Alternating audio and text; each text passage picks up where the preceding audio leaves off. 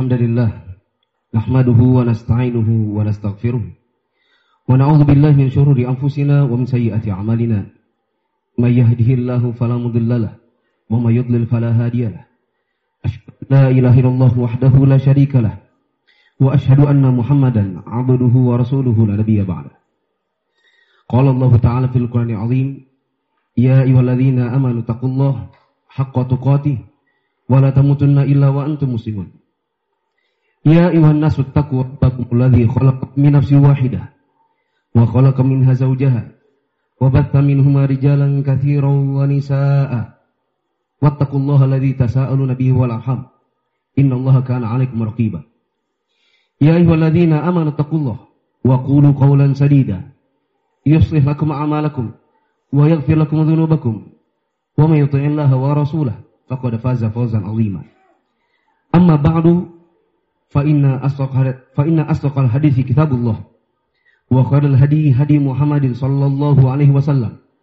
Wa syarrul umuri muhdatsatuha. Fa inna kulla muhdatsatin bid'ah. Wa kulla bid'atin dhalalah wa kulla dhalalatin fil Jamaah Jumat yang Allah muliakan, saya awali khutbah pada hari ini dengan nasihat ketakwaan bagi diri saya pribadi dan jamaah sekalian. Marilah kita senantiasa meningkatkan ketakwaan kita kepada Allah Subhanahu wa taala dengan cara mengerjakan apa-apa yang Allah Subhanahu wa taala perintahkan dan kita jauhi apa-apa yang Allah Subhanahu wa taala larang. Karena mengerjakan apa yang Allah Subhanahu wa taala perintahkan dan menjauhi apa yang Dia larang sejatinya adalah supaya di dunia dan di akhirat kita mendapatkan kebahagiaan. Jamaah Jumat yang dirahmati Allah Subhanahu wa taala. Terdapat hadis yang diriwayatkan Imam Muslim. Hadis ini sahih dari sahabat Ali bin Abi Thalib radhiyallahu anhu. Ali bin Abi Thalib mengatakan, "Kunna fi janazatin fi Baqi'il Gharqad." Pada suatu hari kami mengantar jenazah dan kami ia di pemakaman Baqi' Gharqad. Fa'atana Rasulullah sallallahu alaihi wasallam. Ketika kami menguburkannya maka Rasulullah sallallahu alaihi wasallam mendatangi kami. Faqa'ada wa qa'adna haulahu. Rasulullah sallallahu alaihi wasallam duduk maka kami pun duduk mengitari beliau. Wa ma'al mikhsaratun fanakasa wa ja'ala yankutu bi. Waktu itu Rasulullah sallallahu alaihi wasallam datang membawa seperti tongkat. Yang dengan tongkat itu beliau membuat garis-garis di atas tanah. Membuat semacam oret-oretan. Sambil mengatakan, Ma minkum min ahadin la waqad kitab wa illa waqad kutiba maq'aduhu minan nar wa maq'aduhu minal jannah. Tidaklah ada seorang pun di antara kalian melainkan semuanya sudah dituliskan takdirnya si fulan masuk surga dan si fulan masuk neraka. Lalu kemudian Rasulullah SAW Rasulullah SAW kemudian ditanya oleh sebagian sahabat. Ya Rasulullah,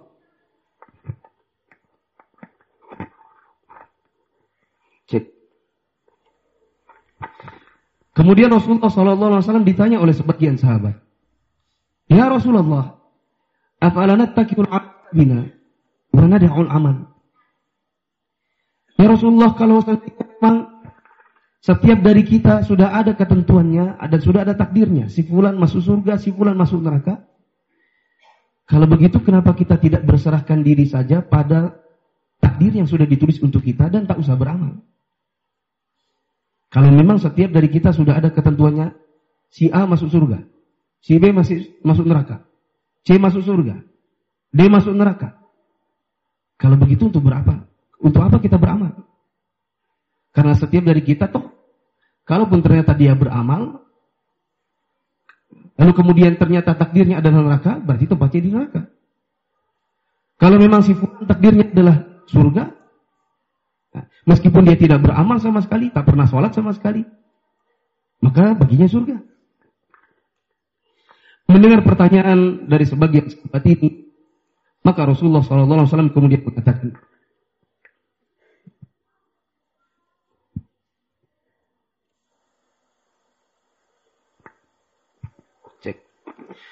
mendengar perkataan sebagian dari sahabat ini, maka kemudian Rasulullah Shallallahu Alaihi Wasallam mengatakan, "I'malu, fakulun muyassarun lima khuliqalahu." Fa amma man kana min ahli sa'adah, fayuyassaru min amali ahli sa'adah. Wa amma man kana min ahli syaqa, fayuyassaru min ahli syaqah. Beramallah kalian karena sesungguhnya setiap dari kalian akan diganjar dengan surga atau neraka sesuai dengan amal kebiasaannya. Barang siapa yang kebiasaan amalnya atau barang siapa yang nanti takdirnya adalah surga, maka Allah Subhanahu wa taala akan mudahkan dia untuk mengamalkan amalan ahli surga. Dan barang siapa yang takdirnya adalah neraka, maka Allah akan mudahkan baginya untuk mengerjakan amalan-amalan ahli neraka. Kemudian Rasulullah SAW membaca beberapa ayat dari surat Al-Lail. وصدق بالحسنى bil husna fasanu من بخل yusra. Wa بالحسنى man للعسرى barang siapa yang dia senantiasa menyedekahkan atau memberikan hartanya dia bertakwa kepada Allah. Dia meyakini akan ada yang namanya surga bagi orang-orang yang memberikan atau berbuat kebaikan. Maka kami akan mudahkan baginya untuk masuk ke dalam surga. Dan barang siapa yang bakhil, enggan untuk membelanjakan hartanya jalan Allah. Dia merasa dirinya sudah cukup dan dia tidak dan dia mendustakan adanya surga yang dijanjikan oleh Allah bagi orang-orang yang berbuat baik, maka kami akan mudahkan baginya untuk masuk dalam neraka. Jamaah yang berbakti Allah Subhanahu wa taala, saya ulang ceritanya. Rasulullah wasallam pernah datang ke sebagian sahabat yang sedang menguburkan jenazah. Kemudian Rasulullah SAW duduk di sekitar mereka dan para sahabat pun ikut duduk mengitari beliau. Maka kemudian Rasulullah SAW membuat di, dengan menggunakan tokat yang beliau bawa ada oret-oretan yang beliau tulis di atas tanah. Sambil kemudian mengatakan, tidaklah seorang pun di antara kalian melainkan sudah ada takdirnya si fulan masuk surga, si fulan masuk neraka mendengar perkataan Nabi Shallallahu Alaihi Wasallam ini, maka sebagian sahabat bertanya, Ya Rasulullah, kalau memang setiap dari kita sudah ada takdirnya fulan masuk surga, si fulan yang ini masuk neraka. Kalau begitu untuk apa beramal? Kalau begitu untuk apa kita beramal? Untuk apa kita sholat? Untuk apa kita puasa? Karena toh setiap dari kita sudah ada ketentuannya. Maka mendengarkan pertanyaan sahabat ini, maka kemudian Rasulullah SAW mengatakan beramallah. Karena sesungguhnya setiap dari kalian akan dimudahkan untuk masuk ke dalam surga atau neraka sesuai dengan yang menjadi amalan kebiasaannya. Barang siapa yang tempatnya nanti di akhirat adalah surga, maka Allah akan mudahkan baginya untuk mengamalkan amalan surga. Dan barang siapa yang tempatnya nanti di akhirat adalah neraka, maka Allah akan mudahkan baginya untuk mengerjakan amalan-amalan ahli neraka. Sambil membaca firman Allah Subhanahu wa taala yang saya sebutkan tadi. Barang siapa yang membelanjakan hartanya di jalan Allah. Dia bertakwa kepada Allah. Membenarkan adanya surga yang diberikan bagi orang-orang yang berbuat baik. Maka kami akan mudahkan baginya untuk masuk ke dalam surga. Dan barang siapa yang enggan, bakhil. Dia tidak meyakini adanya surga yang diberikan oleh Allah kepada orang yang berbuat baik. Maka kami akan mudahkan baginya untuk masuk ke dalam neraka. Hadirin jamaah Jumat yang Allah muliakan. Hadis ini bisa menjadi jawaban bagi sebagian orang yang kadang-kadang bertanya, katanya setiap dari kita sudah ada tempatnya nanti takdirnya masuk surga atau neraka. Kalau begitu untuk apa kita sholat?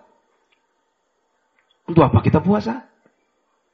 Buat apa kita jumatan? Karena toh kalaupun misalnya kita sholat, kita puasa, kita jumatan, kita baca Quran, tapi ternyata di dalam kitab takdir kita sudah ditentukan tempatnya adalah neraka, ya neraka juga. Dan mereka juga bertanya, kalau memang tempat kita nanti adalah surga, meskipun kita tidak sholat, meskipun kita tidak pernah puasa, toh tempatnya di surga juga. Kalau begitu untuk apa kita beramal? Maka hadis tadi menjawab pertanyaan ini. Rasulullah SAW ketika ditanya yang sama, maka beliau menjawab, beramallah karena sesungguhnya setiap orang akan dimudahkan tempatnya nanti di ujung hidupnya, di akhirat nanti, sesuai dengan yang menjadi kebiasaannya. Maka barang siapa di antara kita yang setiap harinya sholat, mudah baginya untuk mengerjakan sholat, mudah baginya untuk membaca Al-Quran, dia ikut pengajian, ikut majelis ilmu, dapat masuk di kepalanya, ilmu tercantol di dalam hatinya, maka berbahagialah. Siapa tahu itu adalah pertanda bahwasanya insya Allah nanti anda di akhirat tempatnya adalah surga. Dan semoga Allah subhanahu wa ta'ala menjadikan kita termasuk di antara mereka. Dan kalau ada di antara kita yang susah kali sholat. Subuh nggak pernah bangun. Rumah di sebelah masjid. Dengar azan subuh sebenarnya. Tapi kemudian balik tidur. Rasanya malas sekali. Kepala betul-betul berat untuk mengangkatnya. Kalau sudah dengar sebulan lagi mau datang bulan puasa, pusing kepalanya. Dia merasa aku akan datang lagi bulan di mana aku harus lapar dan haus. Dia merasa tidak suka dengan amalan-amalan seperti itu. Kalau sudah datang Jumatan maka dia susah hati. Aduh, dengerin lagi khutbah ini. Bikin ngantuk aja. Dia tidak senang dengan amalan-amalan yang Allah Subhanahu wa taala syariatkan. Maka kita katakan hati-hatilah Anda. Siapa tahu itu adalah pertanda bahwasanya tempat Anda nanti di belakang hari. Di akhirat nanti tempat adalah neraka. Karena di bagian hadis tadi Rasulullah SAW menegaskan. Siapa yang tempatnya adalah surga. Maka Allah subhanahu wa ta'ala akan mudahkan baginya. Untuk mengerjakan amalan-amalan ahli surga. Siapa yang tempatnya nanti di akhirat adalah neraka. Maka Allah akan mudahkan baginya untuk mengerjakan amalan-amalan neraka. Kalau bagi anda riba mudah sekali. Bagi Anda untuk membeli perempuan atau menyewa mereka dalam semalam itu adalah mudah. Anda bisa memberinya. Anda bisa membayarnya. Anda mencuri begitu mudah. Anda berbohong begitu mudah. Maka ketahuilah mungkin Anda sedang dimudahkan pula untuk jalan masuk ke dalam neraka. Jamaah yang rahmati Allah Subhanahu wa taala, di dalam hadis ini juga terdapat kesimpulan atau terdapat faedah karena di dalam hadisnya kalau kita baca matanya atau antum dengarkan matanya tadi dan sudah pernah belajar bahasa Arab, Rasulullah SAW mengatakan kalimat yang menggunakan fi'il majhul namanya. Kalimat pasif. Di mana Rasulullah SAW mengatakan yuyassaru. Bukan yuyassirullahu. Tetapi faman kana min ahli sa'adah fayuyassaru. Dia akan dimudahkan. Tidak disebutkan dalam hadis itu Allah mudahkan, tetapi cukup, cukup digunakan kalimat dimudahkan. Tanpa menyebutkan siapa pelakunya. Karena memang dalam bahasa Arab kalau sudah ada fi'il majhul, maka biasanya yang ada adalah naibul, naibul fa'il dan bukan fa'ilnya. Bukan pelakunya. Pelakunya tidak disebut. Kata para ulama, biasanya kalau ada ayat atau ada hadis yang menggunakan kalimat dengan fi'il majhul, dengan kalimat pasif, tanpa menyebutkan siapa pelakunya, maka ini menunjukkan bahwasanya pelakunya biasanya sudah diketahui. Karena sudah diketahui maka tidak perlu lagi sebutkan siapa pelakunya.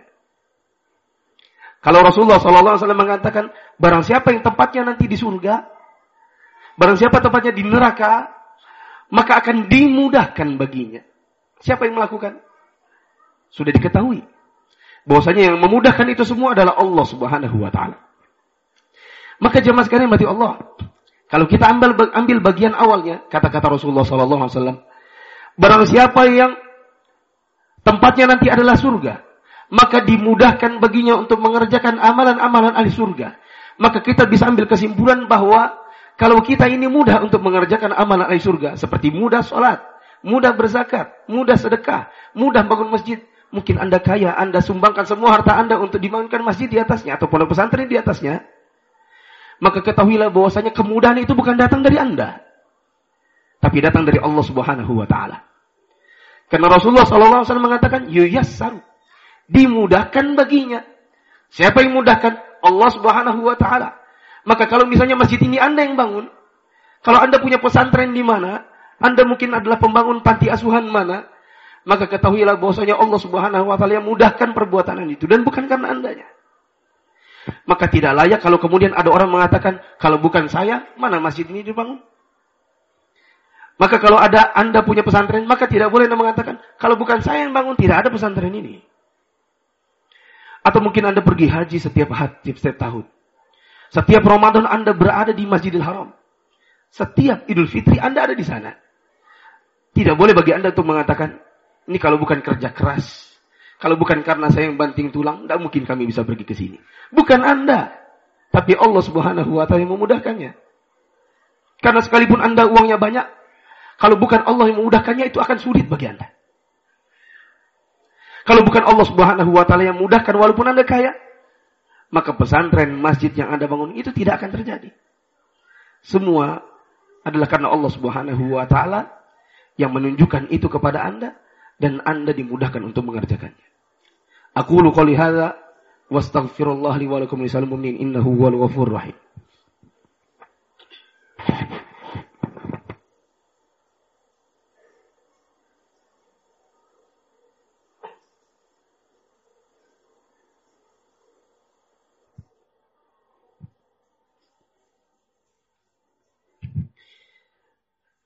الحمد لله رب العالمين. حمدا يوافي نعمه ويكفي مزيده كما يحب ربنا ويرضاه. وأشهد أن لا إله إلا الله وحده لا شريك له وأشهد أن محمدا عبده ورسوله لا نبي بعد Jamaah yang dirahmati Allah Subhanahu wa taala, kesimpulan dari khutbah pertama bahwa adalah kewajiban kita untuk terus beramal. Karena sesungguhnya amalan yang kita kerjakan itu menjadi petunjuk ke mana kita akan pulang. Siapa yang mudah dengan sholat lima waktu, gembiralah. Insya Allah tempatnya surga. Siapa yang kebalikannya, maka tempatnya neraka. Kalau anda mudah untuk sholat subuh, berbahagialah. Karena sesungguhnya itu adalah petunjuk bahwa tempat anda insya Allah di surga. Dan kalau anda susah kali bangun subuh, maka bertaubatlah. Siapa tahu itu adalah petunjuk bahwasanya tempat anda di akhirat nanti adalah neraka. Kalau bagi Anda mudah untuk puasa, datang Ramadan Anda bergembira. Maka bergembiralah juga. Bisa jadi itu petunjuk Anda tempatnya akhirnya nanti adalah surga.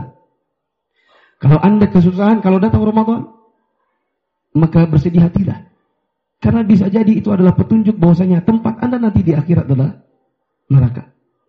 Anda kaya, tapi Anda tak pernah bersedekah.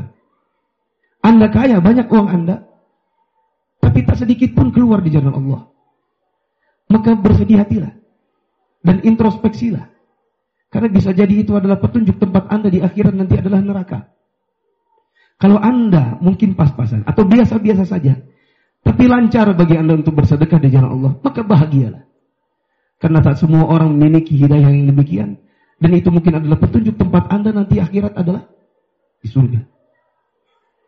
Kemudian kesimpulan yang kedua, bahwa kalau seandainya Anda mudah untuk mengerjakan amalan-amalan surga, seperti sholat, sholat subuh khususnya, sholat asar, bersedekah, berpuasa, haji dan umroh, maka ketahuilah bahwasanya itu tidak akan mudah bagi Anda kecuali Allah yang memudahkannya. Maka tidak layak kalau kemudian Anda mengatakan, kalau bukan saya, kalau bukan saya, maka tidak akan begini dan begitu. Kalau bukan saya, masjid ini tidak ada. Kalau bukan saya, pesantren ini tidak ada. Kalau bukan saya, satu kampung ini tidak ada yang bisa baca Quran. Karena sesungguhnya yang demikian itu bukan karena Anda semata, tetapi Anda, anda hanyalah sebab saja. Ada ada pun yang memudahkannya dan mentakdirkannya adalah Allah Subhanahu wa taala. Di antara faedah dari hadis yang saya sebutkan di awal tadi di khutbah yang pertama, bahwasanya harus ada kontinuitas dalam beramal. Karena setiap amal yang berkontinu, maka akan memudahkan amalan-amalan yang lain. Orang yang sholat lima waktu dan itu dikerjakan setiap hari akan lebih mudah baginya untuk mengerjakan amalan-amalan seterusnya. Sholat-sholat lima waktu di hari-hari berikutnya.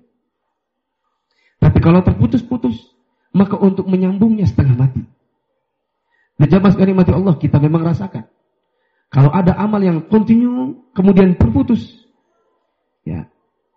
Lalu kemudian kita mau sambung lagi, itu biasanya tidak mudah. Untuk menyambungnya butuh effort, butuh usaha, butuh memaksakan diri untuk memotivasi diri sendiri. Maka senantiasa beramal dikarenakan setiap dari amal akan melahirkan amal-amal yang berikutnya. Makanya sebagian para ulama mengatakan balasan dari sebuah amal kebaikan adalah kebaikan yang bisa dikerjakan setelahnya. Di antara faedah yang lain dari hadis yang saya sebutkan di awal tadi, bahwasanya senantiasa beramal adalah nikmat. Senantiasa beramal atau kemampuan untuk kita mengerjakan amal-amal yang Allah perintahkan itu adalah nikmat. Kita harus syukuri. Dikarenakan tak semua orang demikian. Kita tahu bahwasanya di hari Jumat ini tak semuanya orang pergi ke masjid walaupun KTP Islam.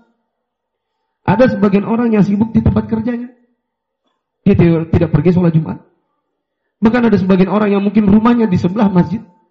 Orang pergi Jumatan, dilewati rumahnya, tapi dia mungkin nonton TV. Atau mungkin dia tidur saja, makan siang, padahal KTP-nya Islam. Ini adalah nikmat. Dikarenakan kemampuan untuk beramal, itu adalah petunjuk bagi kita bahwasanya insya Allah. Dan kita berdoa kita termasuk dari mereka. Kita dimasukkan ke dalam kalangan penghuni surga insya Allah. Jamaah sekalian mati Allah Subhanahu wa taala di antara faedah yang lain dari hadis tadi, bahwasanya kebiasaan seseorang menentukan akhirnya. Kebiasaan seseorang akan menentukan ke mana ujung hidupnya. Jamaah sekalian mati Allah. Ada hadis Rasulullah SAW riwayat Bukhari. Beliau mengatakan, Innamal a'malu bil khawatim. Sesungguhnya amal-amal itu bisa dilihat dari ujungnya atau dari akhirnya. Kita bisa melihat atau kita bisa introspeksi bagaimana kira-kira kita mati dengan melihat kebiasaan amal kita. Kita biasa sholat. Setiap, hari kita ada di masjid. Di sholat lima waktu. Maka ini akan ada probabilitas atau ada kemungkinan besar untuk kita mati di masjid. Untuk mati sholat. Kita mati sujud. Mati ruku. Kebiasaan kita tiap hari pegang mushaf. Atau ada sebagian yang senantiasa baca Quran tapi mushafnya di HP. Masih mending daripada tidak baca sama sekali. Kebiasaannya demikian. Maka matinya, probabilitas mati dengan membaca Al-Quran lebih besar. Dikarenakan setiap orang bisa melihat ujung-ujung hidupnya nanti sesuai dengan amalan kebiasaannya. Tapi kalau ada orang setiap hari pergi melacur misalnya, maka probabilitas mati melacur, mati berzina lebih besar.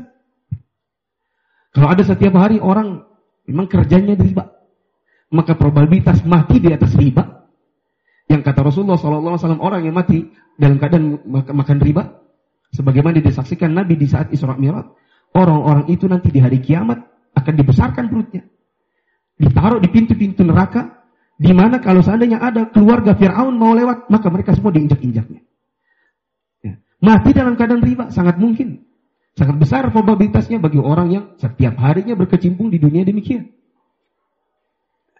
Dan seterusnya, siapa yang amalnya adalah amal baik, maka insya Allah akhir hidupnya dia akan akhiri dengan perbuatan-perbuatan yang baik. Dan itu nanti insya Allah menyebabkan dia masuk surga. Siapa yang hari-harinya adalah perbuatan-perbuatan buruk, maka insya Allah nanti Allah akan mudahkan baginya untuk mati dalam keadaan perbuatan buruknya. Probabilitas sesuatu bisa dilihat dari kebanyakannya. Ya, probabilitas dari akhir hidup kita bisa kita lihat dari bagaimana kebanyakan amal-amal yang kita kerjakan. Jamaah sekalian mati Allah Subhanahu wa taala yang terakhir. Tadi sudah dikatakan di awal si fulan masuk surga, si fulan masuk neraka dan sudah ada takdirnya. Tidak bisa berubah itu. Kata Rasulullah sallallahu alaihi wasallam, "La yardul qada illa doa." Tidak bisa berubah yang namanya takdir kecuali dengan doa. Maka setiap dari kita harus berdoa. Supaya mungkin ada kebiasaan-kebiasaan kita yang jelek setiap hari. Yang kita ini pertanda-tandanya masuknya neraka nanti. Kita berdoa kepada Allah. Ya Allah mudahkan saya untuk sholat lima waktu. Ya Allah kalau bukan engkau yang mudahkan saya bangun subuh. Saya susah bangun subuh. Mudahkan ya Allah. Ya Allah kalau nanti datang bulan Ramadan. Mudahkan saya untuk merasa gembira dengan datangnya. Supaya saya ini nanti akan ada ujung hidup saya masuk surga ya Allah. Ya. Kalau ada di setiap ada kita biasa mengerjakan maksiat, kita berdoa, ya Allah tunjukilah saya. Bantulah saya untuk meninggalkan maksiat ini ya Allah. Supaya berubah takdir saya yang mungkinnya di awal ditakdir dengan neraka lalu kemudian diubah oleh Allah Subhanahu wa taala ditakdirkan jadi jadi ahli surga. Makanya ada sunnah Rasulullah sallallahu alaihi wasallam beliau ajarkan bagi kita untuk berdoa Allahumma a'inni ala dzikrika wa syukrika husni ibadatik. Ya Allah bantulah aku Allahumma a'inni ala zikrika. Ya Allah bantulah saya untuk senantiasa ingat kepada engkau. Wa syukrika supaya saya bisa ber, mensyukuri nikmat-nikmat yang engkau, yang engkau berikan. wa husni ibadatik dan bantulah saya ya Allah untuk bisa beramal dengan amal-amal yang baik kepadamu. Allah semoga Allah Subhanahu wa taala menjadikan kita orang-orang yang masuk ke dalam surga. Ini adalah hari Jumat, hari di mana Rasulullah SAW mensunahkan untuk memperbanyak salawat kepada beliau. Allah Subhanahu wa taala mengatakan, "Inna Allah wa malaikatahu yusalluna 'alan nabi, ya ayyuhalladzina amanu sallu 'alaihi wa sallimu taslima." Allahumma salli ala Muhammad wa ala Muhammad kama sallaita ala Ibrahim wa ala Ibrahim innaka Hamidum Majid. Wa barik ala Muhammad wa ala Muhammad kama barakta ala Ibrahim wa ala Ibrahim innaka Hamidum Majid. Allahumma ighfir muslimin wal muslimat wal mu'minin wal mu'minat al ahya'i minhum wal amwat innaka sami'un qaribun mujibu da'wati qadil hajat. Allahumma bima 'allamtana wa 'allimna ma warzuqna ilman yanfa'una. Allahumma inna na'udzubika min ilmin la yanfa' ومن قلب لا يخشع ومن نفس لا تشبع ومن دعوة لا يستجاب لها. ربنا أتنا في الدنيا حسنة وفي الآخرة حسنة وقنا عذاب النار. والحمد لله رب العالمين.